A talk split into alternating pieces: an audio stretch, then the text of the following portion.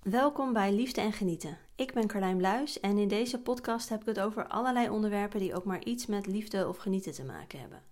Dit is podcast aflevering nummer 21 en in deze aflevering wil ik je meenemen in mijn ayahuasca-reis van vorige week. En het is mijn uh, tweede ayahuasca-reis of mijn tweede ayahuasca-ceremonie die ik bijwoon. En mijn allereerste was uh, eerder dit jaar in maart. En hoewel het toen best wel pittig was en intens was en oh, ik heel misselijk was, de hele ceremonie, had ik toch gevoeld dat um, ik mee mocht doen aan een volgende ceremonie, aan een nieuwe ceremonie. En in maart had ik, een, uh, had ik één ceremonie gedaan, dus ik was daar naartoe gegaan, nachtje geslapen en de volgende dag uh, ceremonie, weer een nachtje geslapen en weer naar huis. En deze keer had ik gekozen voor een uh, ja, intensieve ceremonie, heet dat dan. Waarbij ik dus in vier dagen tijd twee ayahuasca-ceremonies uh, meemaakte. En in deze podcast neem ik je mee in de eerste dag of in de eerste ceremonie.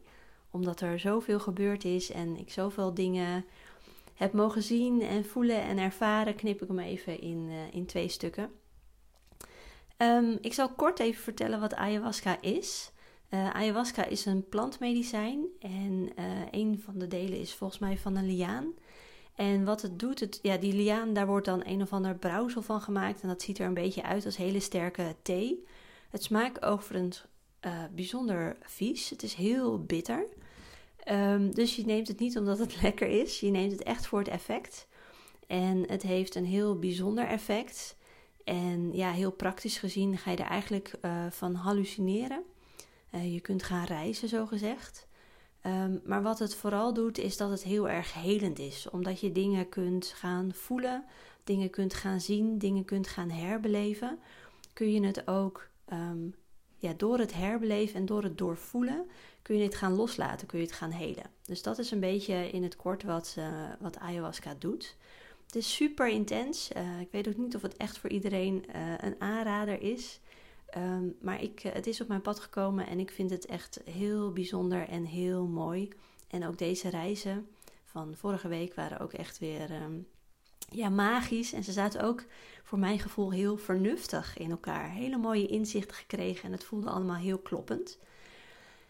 Um, voordat ik aan deze hele ceremonie, die dus nou ja, de, de, hele retraite nam vier dagen in beslag. Voordat ik daaraan begonnen was, had ik uh, voor mezelf een intentie gezet. En de intentie was dat ik meer verbinding wilde met anderen. En um, ik had namelijk gemerkt dat ik uh, vanuit een oud mechanisme mezelf wel eens terug kan trekken. En dat ik dus uh, uit contact ga, uit verbinding ga met andere mensen. Dat ik mijn stekels opzet. Dat ik snel in de verdediging schiet. Uh, ja, dus eigenlijk een beetje en in de verdediging schieten en mijn stekels opzetten.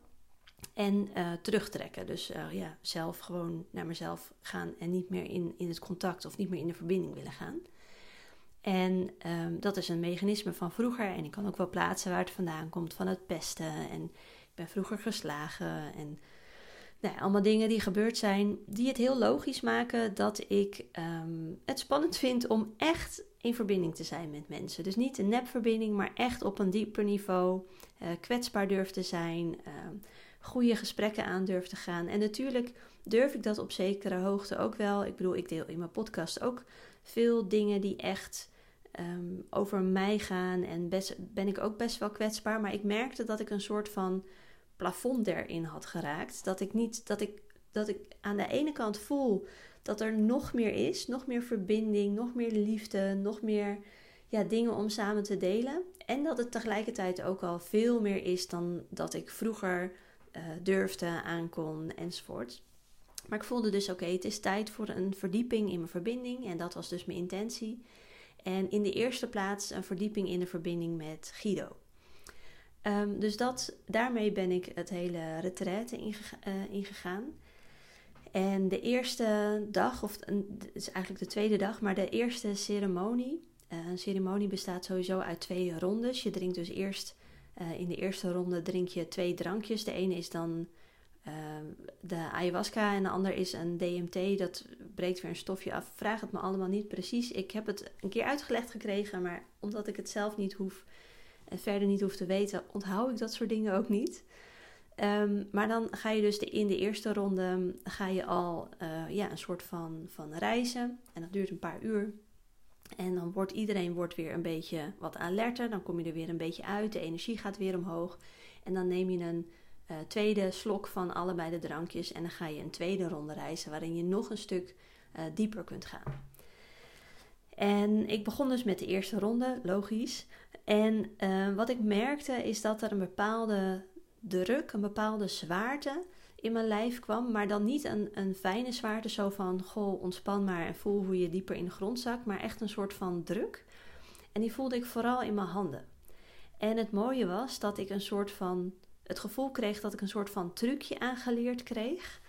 Waarbij ik ehm, kon ademen door mijn hele lijf. Dus eerst bracht ik um, mijn ademhaling omhoog en vervolgens naar beneden naar mijn bekkengebied, naar mijn buik. Als een soort uh, lemniscaat, als zo'n achtbeweging. Dus eerst kon het gevoel wat ik kreeg kon omhoog uh, door mijn borstkas. En daarna ging het naar beneden door mijn buik en mijn bekkengebied. En dan weer naar het middelpunt van het lemniscaat.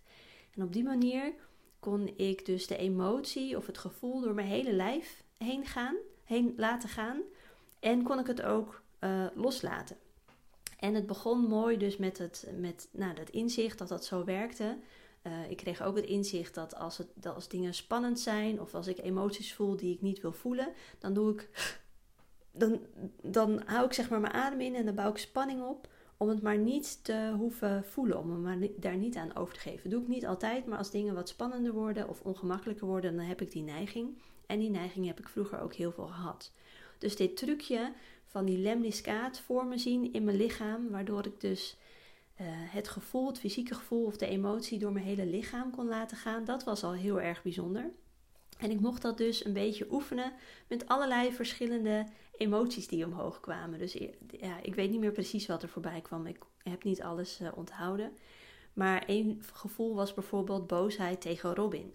En dat is um, voor mij persoonlijk iets wat ik niet prettig vind. Want ik vind het helemaal niet leuk om boos tegen haar te worden. Laat staan dat ik het leuk vind om dan vervolgens uh, mijn stem te verheffen. Omdat ze bijvoorbeeld niet luistert. Maar allemaal dat soort situaties kwamen voorbij. En daar mocht ik dus oefenen van adem in. Uh, de lemniscaat gaat sorry, de lemniscaat ging naar boven. En adem uit. De lemniscaat ging naar beneden. En zo ging dat hele gevoel door mij heen.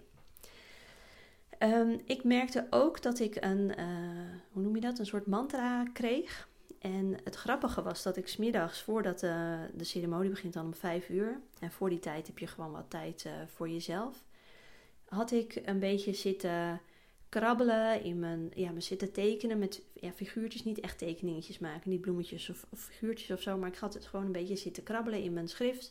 En op een gegeven moment merkte ik dat ik opschreef, ik heb mijn boekje hier liggen, Um, ik, vertrouw mijn, oh, ik vertrouw op mijn lichaam.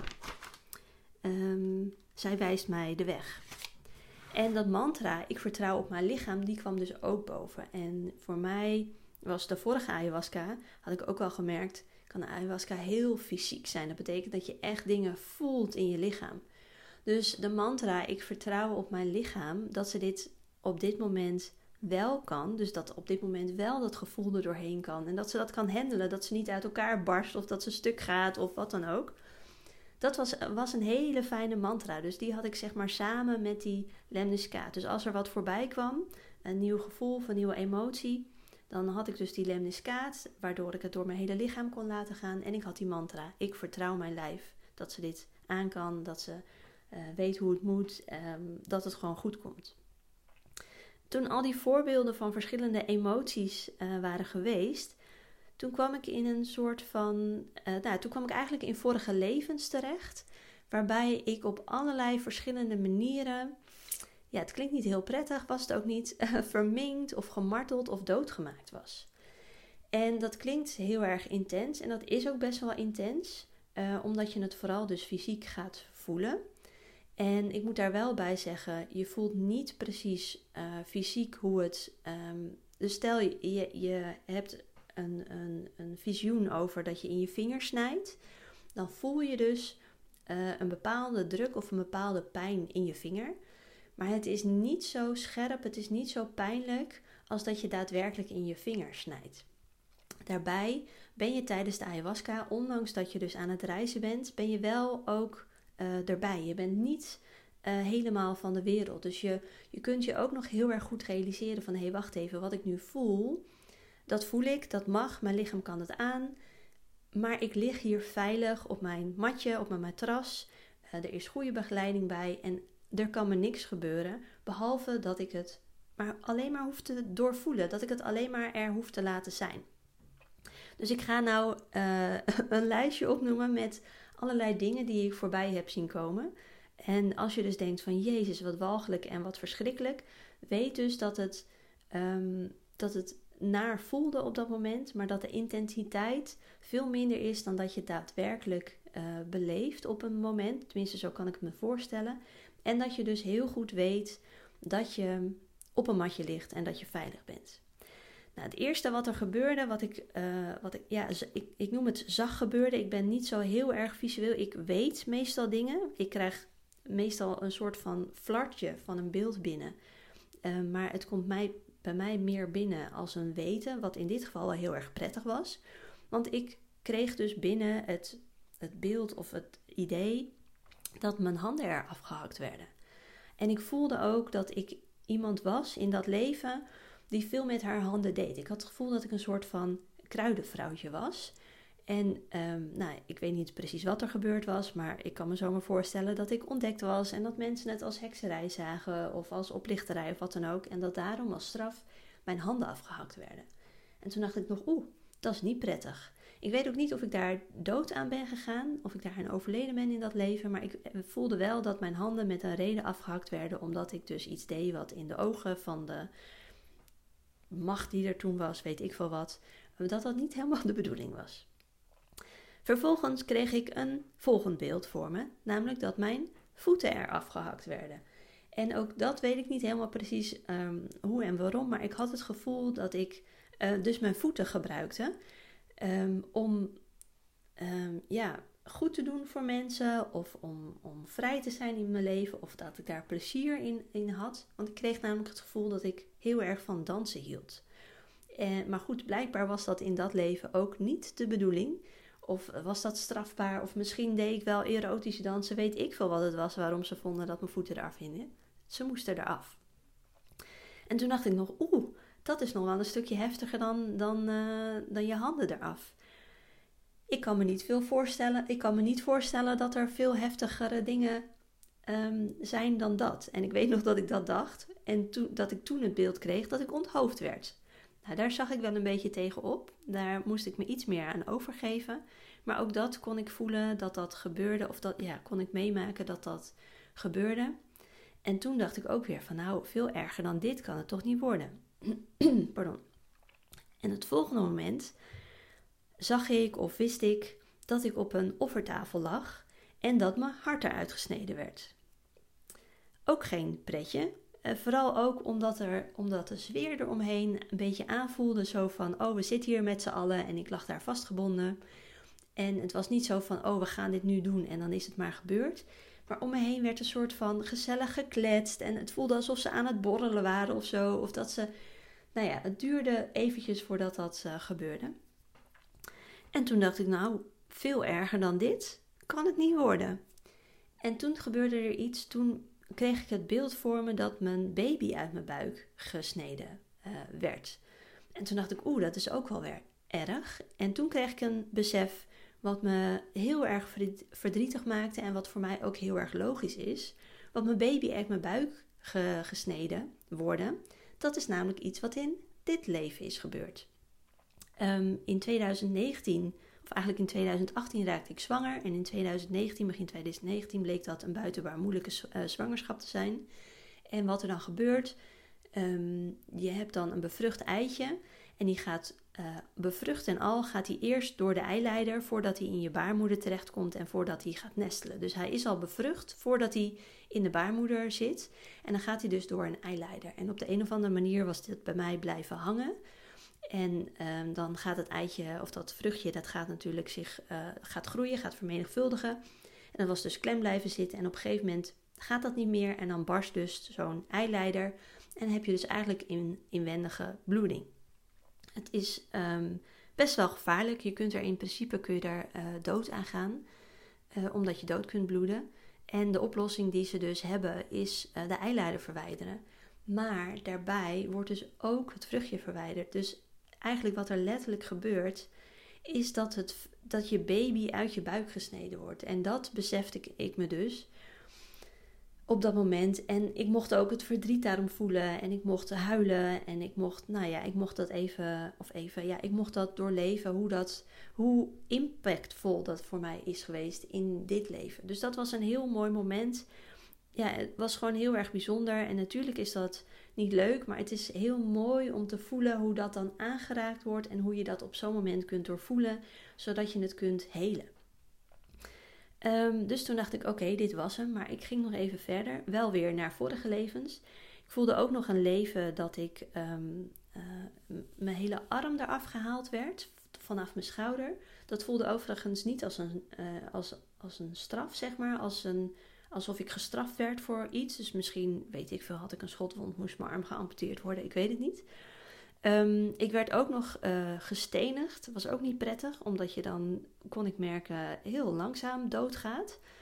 Ook niet prettig. En ik werd ook nog gevierendeeld. Die was ook niet fijn.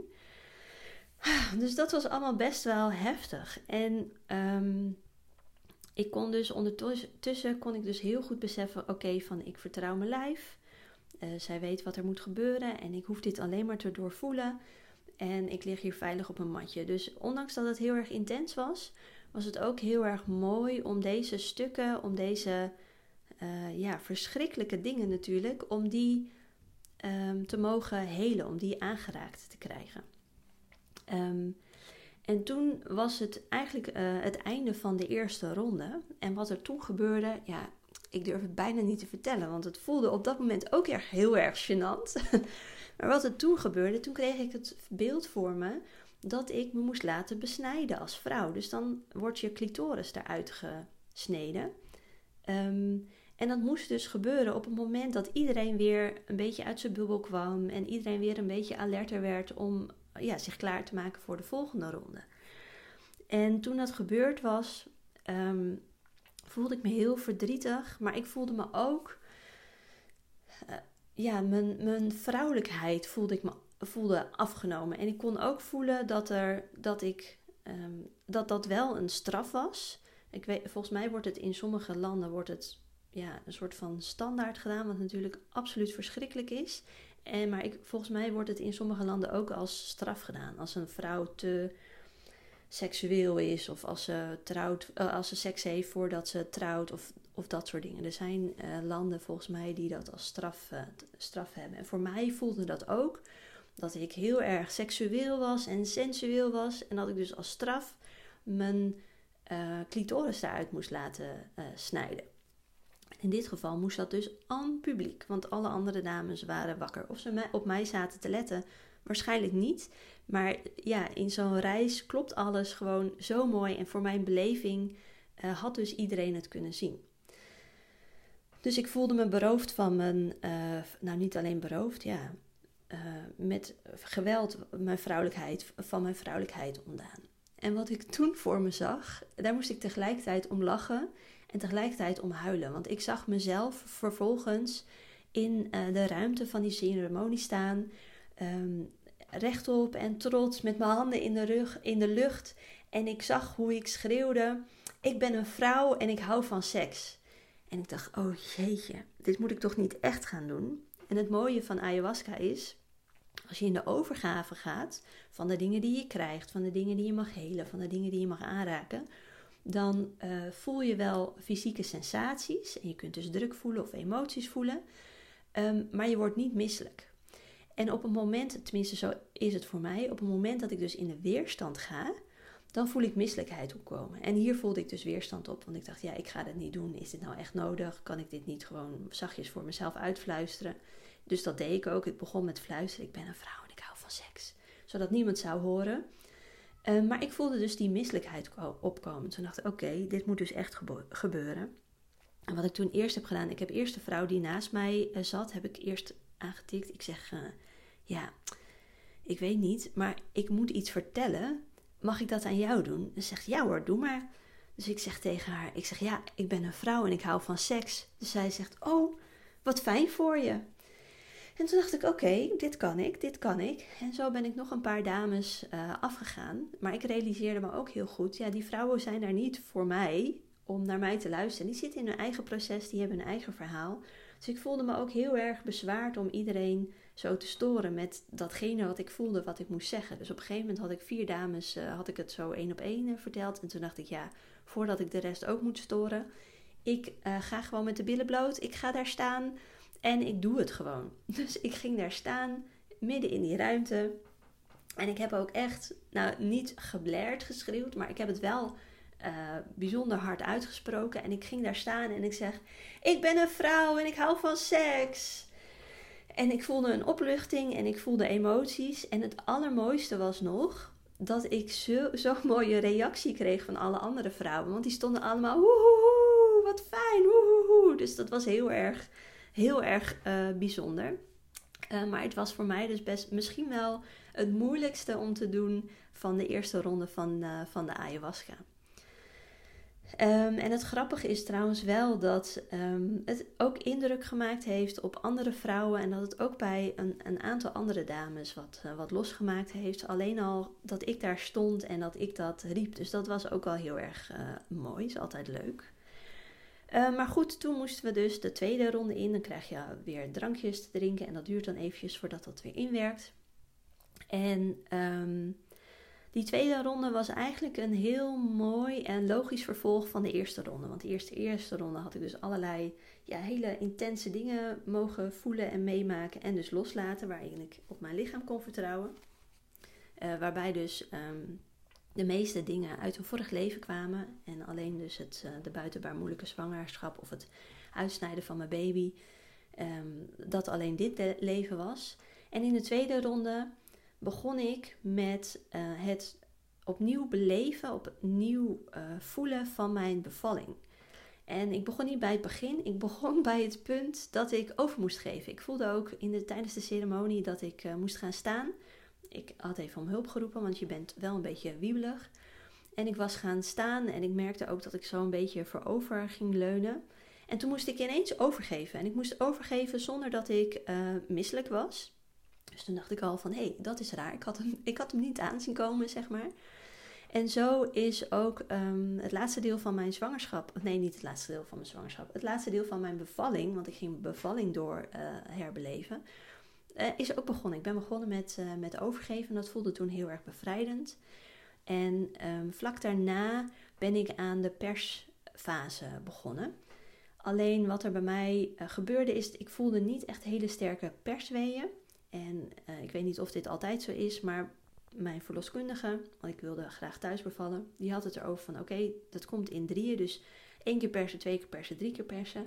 En eigenlijk na één keer persen, misschien twee keer persen, was dat hele gevoel van kracht, van ik kan hier persen, was al weg. En ik heb op allerlei verschillende manieren in huis, heb ik dus geprobeerd om uh, Robin, mijn dochtertje, om die ter wereld te laten krijgen tijdens dus die persvaars. Ik heb over een bal gehangen, ik heb uh, zijwaarts op bed gelegen, ik heb op een baarkruk gezeten. Um, nou ja, allerlei verschillende dingen. En die dingen mocht ik ook herbeleven. Ik mocht voelen hoe ik op dat bed lag en hoe ik uh, moest persen en hoe dat niet lukte. En hoe ik over die bal hing en hoe dat niet lukte. En eigenlijk gebeurde er grappig genoeg twee dingen tegelijkertijd. Ik heb mijn bevalling herbeleefd zoals die gegaan is. Dus een stukje bij beetje. Het ene moment voelde ik, ik hang over die bal. Het andere moment voelde ik, oké, okay, ik lig hier op bed. Het volgende moment voelde ik, oké, we zijn nu in het ziekenhuis. Um, en ik lig daar op mijn, rug in het bed. En, en daartussendoor voelde ik ook van, hé, hey, zo had het kunnen gaan als ik uh, op mijn lichaam vertrouwd had. En als ik meer in de overgave was gegaan van het hele persbevallingsgebeuren. En dat was wel mooi, want het was niet zo van oh zo had het kunnen gaan als je, had, als je je had overgegeven. Maar meer zo van, hé, hey, je mag je lichaam ook de ervaring geven hoe mooi het uh, is als je daarin op je lichaam had vertrouwd. Dus het was niet beschuldigend, maar het was meer van, oh, zo is het gegaan en zo had, het, had je het kunnen uh, ervaren. Het was heel liefdevol, was het. Dus, dus dat, ik kreeg eerst dus uh, zoals het gegaan was en dan een stukje zoals het had kunnen gegaan en dan weer een stukje zoals is, het gegaan. En zo ging dat door. En ik voelde vooral dat ik ook weer daarin mocht ademen. Dus niet bij een per se de spanning zo vasthouden. Maar dat ik daar ook in mocht ademen. En dat ik dus die kracht of die energie of dat gevoel, dat ik dat dus ook naar mijn onderlichaam mocht toebrengen. Wat natuurlijk heel erg logisch klinkt als je aan het bevallen bent. Maar goed, op dat moment, in die situatie, tijdens de echte bevalling, uh, ging dat niet, lukte dat niet. um, dus zo heb ik die hele bevalling uh, helemaal doorgemaakt. En het grappige is dat ik dus ook Robin op twee manieren geboren heb voelen komen. de eerste manier dus zoals het is gegaan. Dat was uiteindelijk met een knip. En het laatste stukje met de vacuümpomp. Gelukkig niet te vaak. Maar ehm, ja, het allerlaatste stukje met de vacuümpomp. En ik heb dus ook gezien hoe zij uh, op natuurlijke wijze uit mij kwam en hoe ik haar zelf aan kon pakken en op mijn uh, borst kon leggen. En oh, dat was zo'n mooi moment om dat te ervaren, ondanks dat het niet in, de, in, in dit leven, in deze werkelijkheid is gebeurd, voelt het zo mooi om dat toch zo ervaren te hebben. Dat was heel erg bijzonder. Um, en toen uh, was dat hele bevallingsstuk was klaar. Toen ben ik ook nog een beetje, ik weet niet meer precies, een beetje vaag, ook nog als Robin geboren. Ook nog op, een, op, op zeg maar de manier zoals het had gekund en ook nog op de manier zoals het is gegaan. het voelt alsof ik daarin voor haar ook nog een stukje heb kunnen helen, wat natuurlijk echt super fijn zou uh, zijn. En daarna voelde ik dat ik uh, doorging um, in allerlei impacten op mijn lichaam om die los te mogen laten. En zoals ik net al zei, van ik voelde tijdens de bevalling dat ik een beetje zo de spanning vasthield. En dat ik dat niet door me heen uh, kon laten gaan. En ik voelde dus ook dat ik dat op veel meer situaties in mijn leven had gedaan. Als er fysiek iets was gebeurd. En ik mocht dus door middel van die ademhaling en die mantra, ik vertrouw op mijn lijf, mocht ik dus heel veel dingen, en serieus, ik heb ze opgeschreven, dus ik zal zo meteen zal ik, uh, wat uh, op, voorlezen wat ik allemaal voorbij heb zien, zien komen, voelen komen mocht ik dus loslaten. Dus ik deed dan die ademhaling en dan voelde ik als een soort van, een soort van schokjes, voelde ik dat dan zo loskomen uit mijn bekkengebied, uit mijn heupen.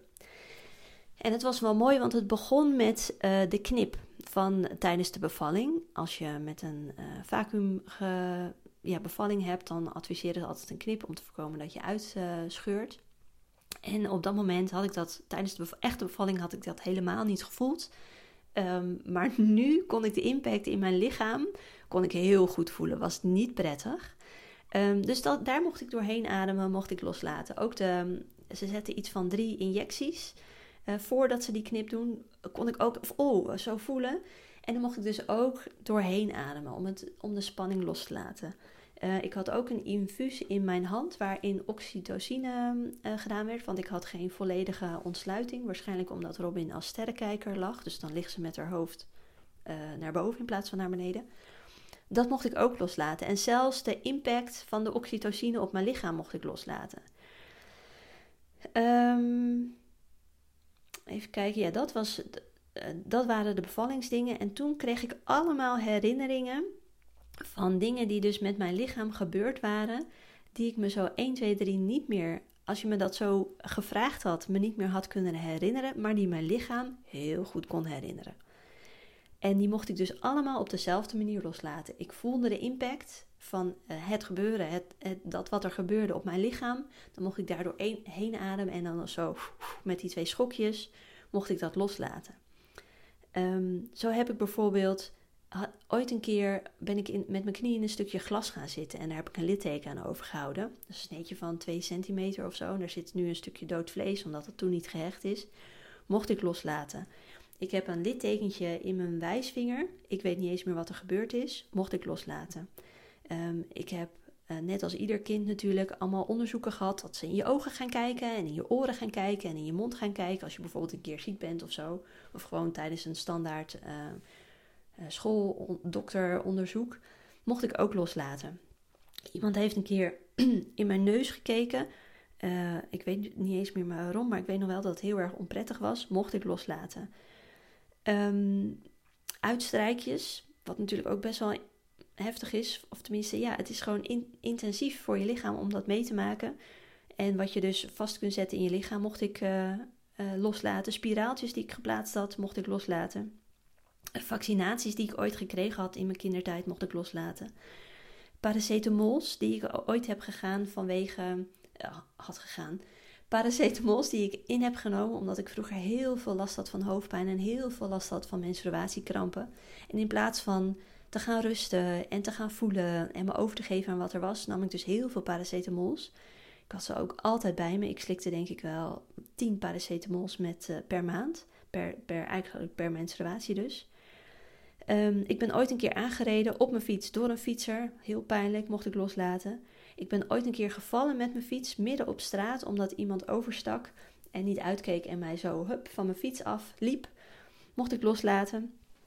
Um, blinde darmontsteking die ik op mijn zesde of zevende had, mocht ik loslaten. De operatie van de buitenbaar moeilijke zwangerschap, die was natuurlijk emotioneel gezien al voorbij komen, gekomen in de eerste ronde, maar nog niet fysiek. Dus die mocht ik ook uh, loslaten.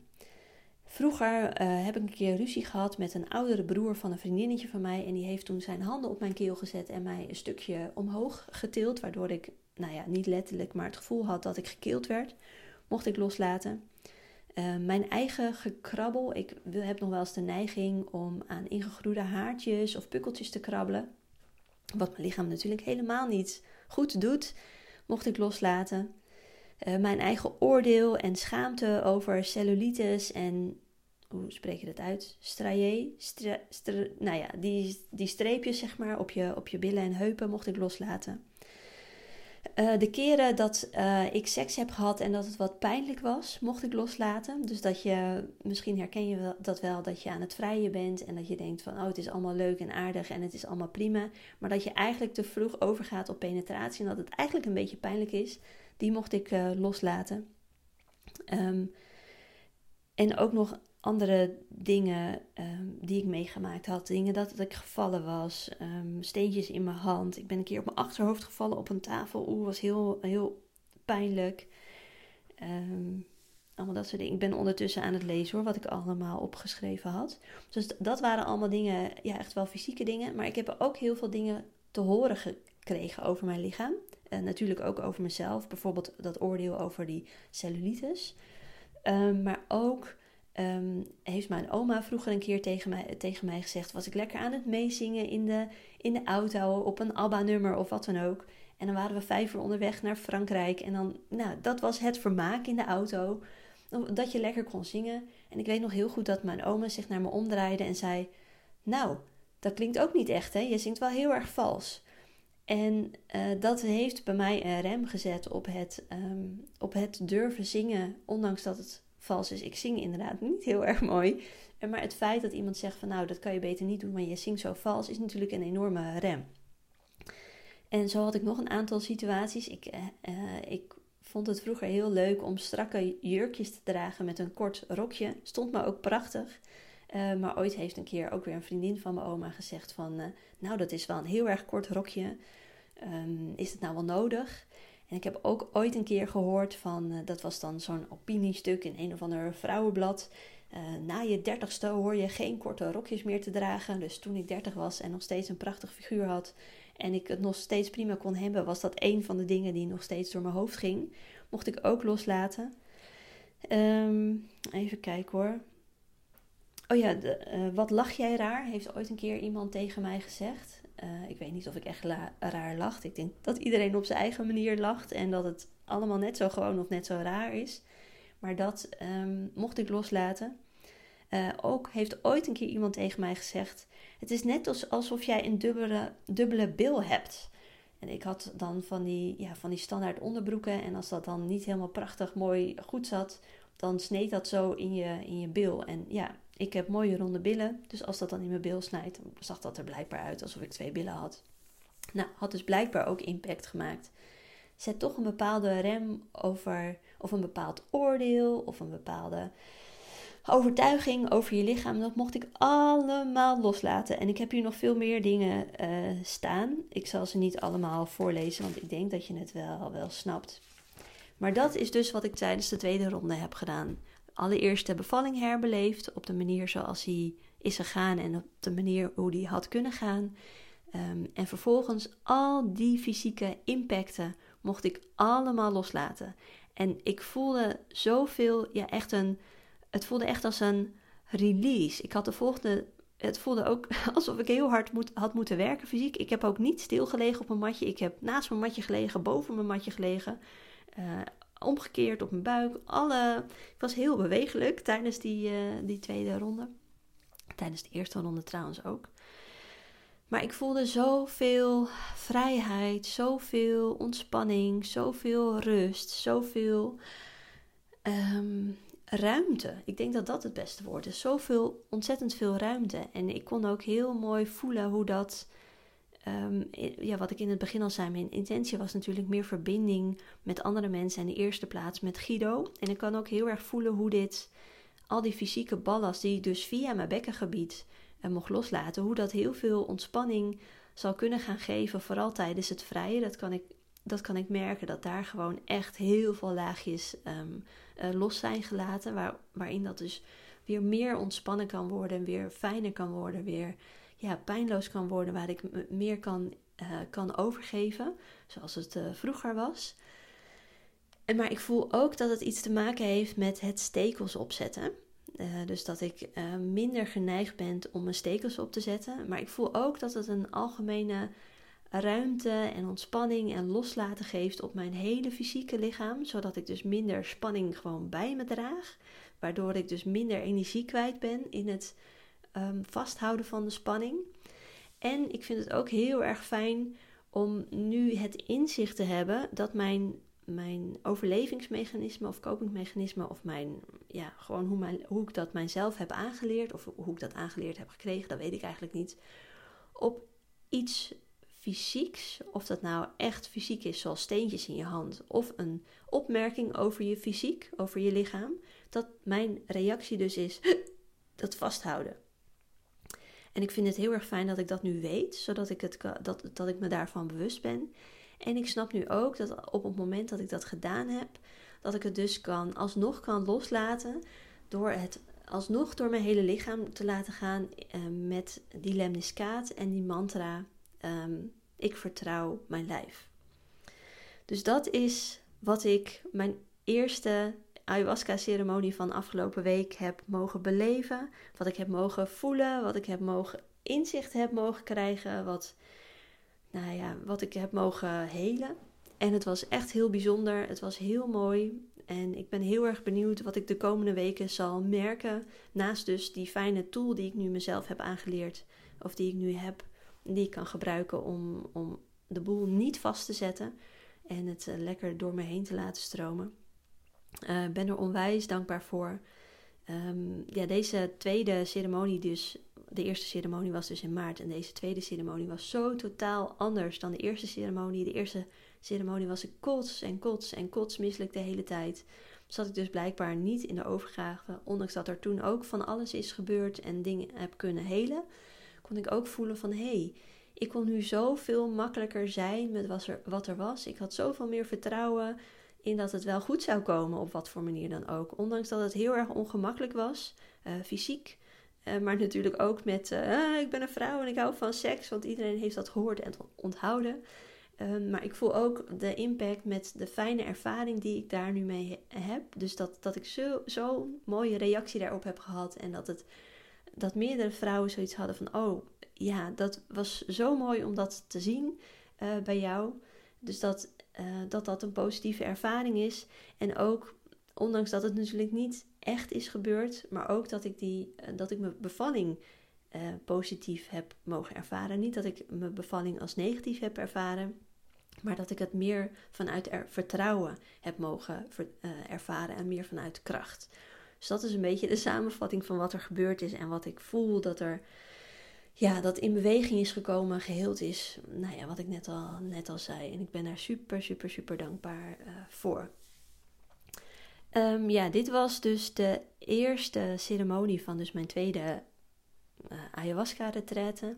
En ik zal binnenkort een, uh, ook een podcast opnemen van de tweede ceremonie van deze retraite. Die was weer totaal anders. Um, ook wel weer heel erg kloppend en heel erg mooi aanvullend op wat er deze eerste ceremonie is gebeurd. Dus ehm, ja, ik ben vooral heel erg benieuwd wat je hier nou van vindt als je dit zo hoort. Of je vragen hebt misschien. Uh, of dit interessant is uh, geweest voor jou. Dat je het gewoon leuk vindt om te horen. Of nou ja, misschien. Nee, ik ben gewoon heel erg benieuwd wat dit, wat dit met jou doet. Dus laat het me vooral weten. De makkelijkste manier is om dat te doen via Instagram. Op Instagram ben ik gewoon Carlijn Bluis. Uh, stuur me vooral een uh, privéberichtje als je dat wil. En als je zoiets hebt van, oh, ik heb geen Instagram. Je mag me ook altijd een mailtje sturen. Dat is Carlijn, apenstaartje, carlijnbluis.com. Dan ga ik hem afsluiten. Ik ga zo uh, lekker eten. En um, ik zie en spreek je in een volgende podcast, die dus waarschijnlijk gaat over de tweede ceremonie van deze afgelopen ayahuasca-ceremonie.